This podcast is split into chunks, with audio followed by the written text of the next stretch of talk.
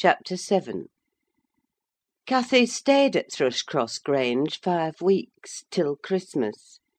By that time her ankle was thoroughly cured, and her manners much improved. The mistress visited her often in the interval, and commenced her plan of reform by trying to raise her self respect with fine clothes and flattery, which she took readily; so that, instead of a wild, hatless little savage jumping into the house, and rushing to squeeze us all breathless, there lighted from a handsome black pony a very dignified person, with brown ringlets falling from the cover of a feathered beaver, and a long cloth habit, which she was obliged to hold up with both hands, that she might sail in. Hindley lifted her from her horse, exclaiming delightedly, "Why, Cathy, you are quite a beauty! I should scarcely have known you. You look like a lady now. Isabella Linton is not to be compared with her, is she, Frances?" "Isabella has not her natural advantages," replied his wife; "but she must mind, and not grow wild again here. Ellen, help Miss Catherine off with her things. Stay, dear, you will disarrange your curls: let me untie your hat." I removed the habit, and there shone forth beneath a grand plaid silk frock, white trousers, and burnished shoes; and while her eyes sparkled joyfully when the dogs came bounding up to welcome her, she dared hardly touch them, lest they should fawn upon her splendid garments. She kissed me gently: I was all flour making the Christmas cake, and it would not have done to give me a hug; and then she looked round for Heathcliff.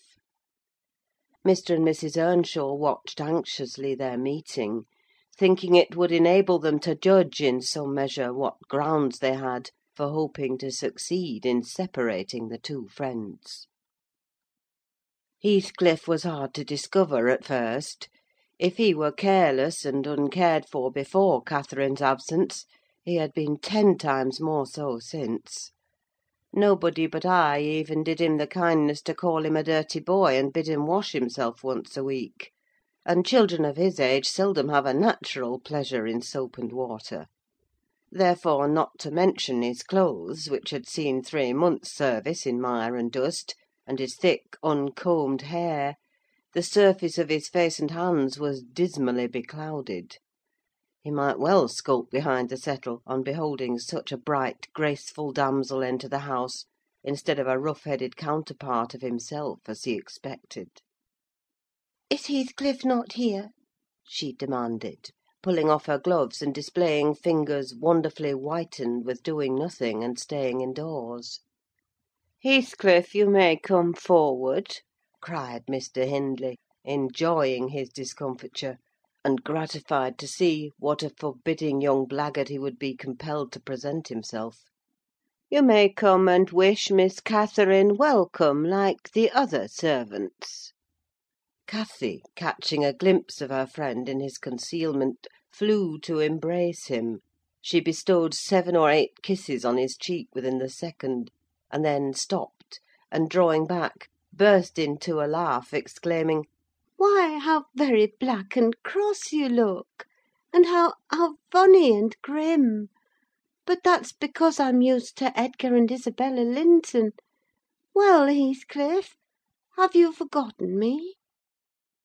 She had some reason to put the question; for shame and pride threw double gloom over his countenance, and kept him immovable.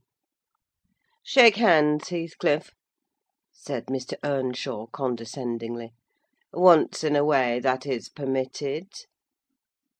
"I shall not," replied the boy, finding his tongue at last. "I shall not stand to be laughed at. I shall not bear it!" And he would have broken from the circle, but Miss Cathy seized him again. "I did not mean to laugh at you," she said. "I could not hinder myself. Heathcliff, shake hands, at least. What are you sulky for? It was only that you looked odd. If you wash your face and brush your hair, it will be all right; but you are so dirty." She gazed concernedly at the dusky fingers she held in her own, and also at her dress, which she feared had gained no embellishment from its contact with his. "You needn't have touched me," he answered, following her eye, and snatching away his hand. "I shall be as dirty as I please, and I like to be dirty, and I will be dirty."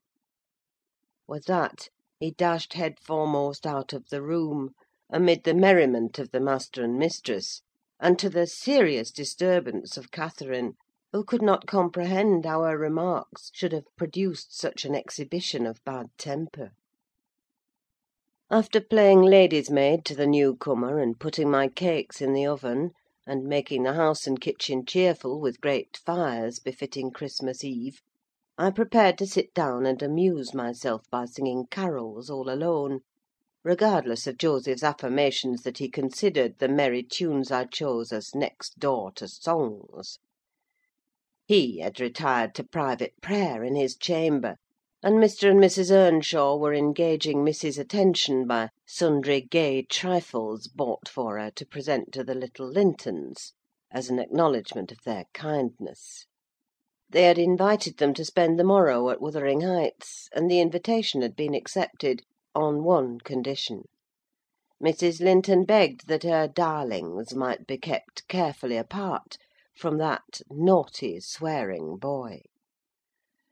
Under these circumstances I remained solitary.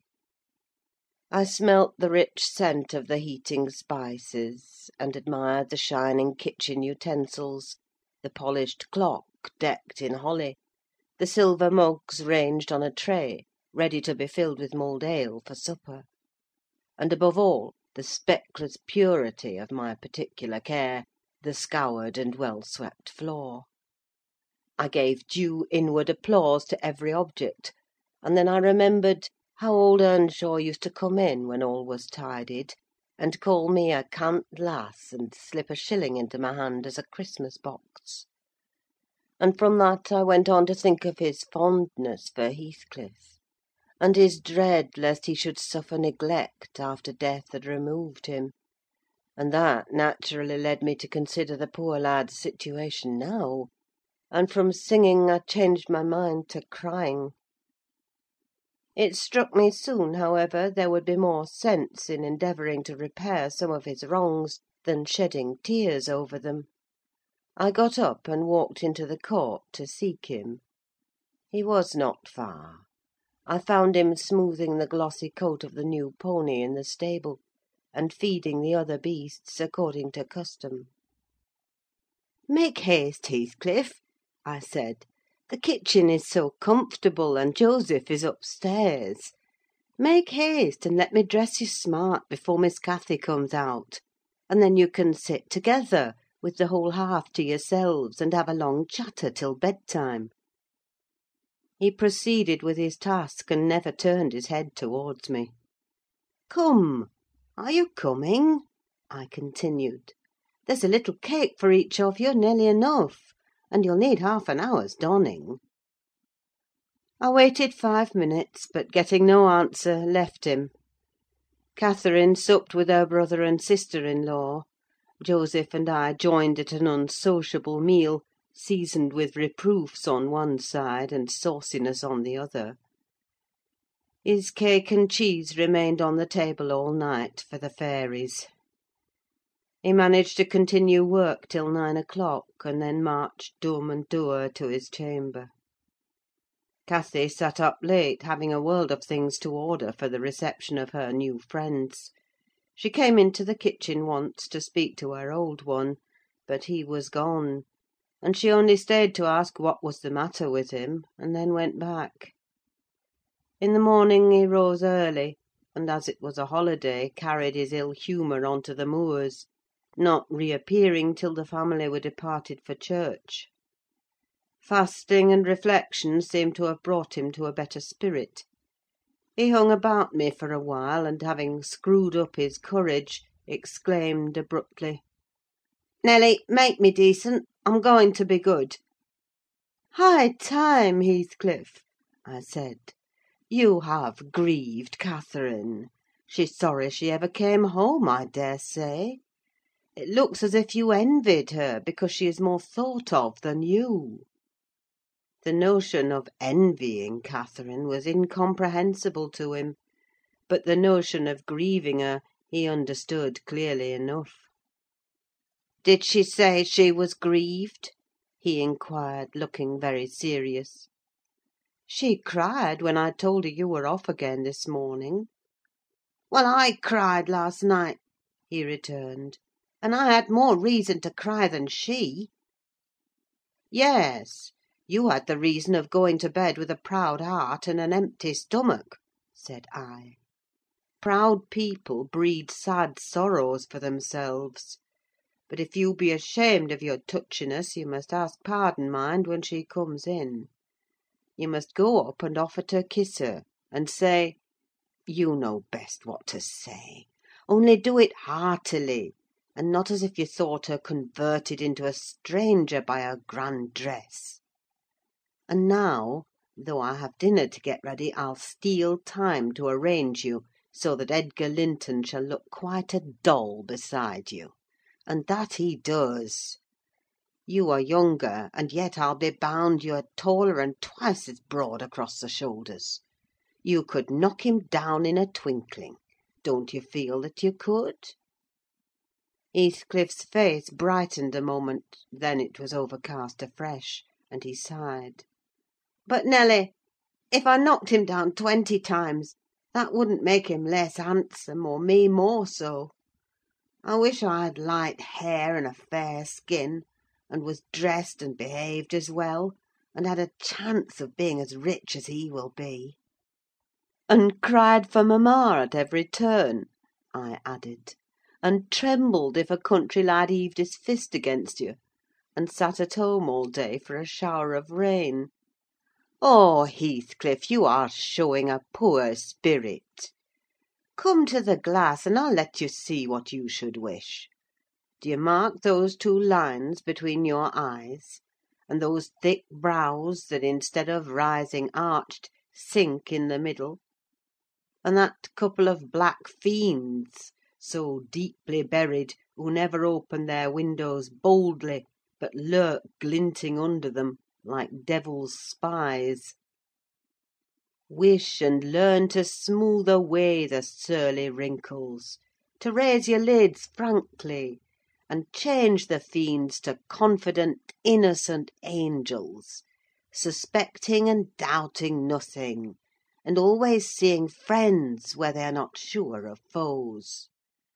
Don't get the expression of a vicious cur that appears to know the kicks it gets are its desert, and yet hates all the world as well as the kicker for what it suffers.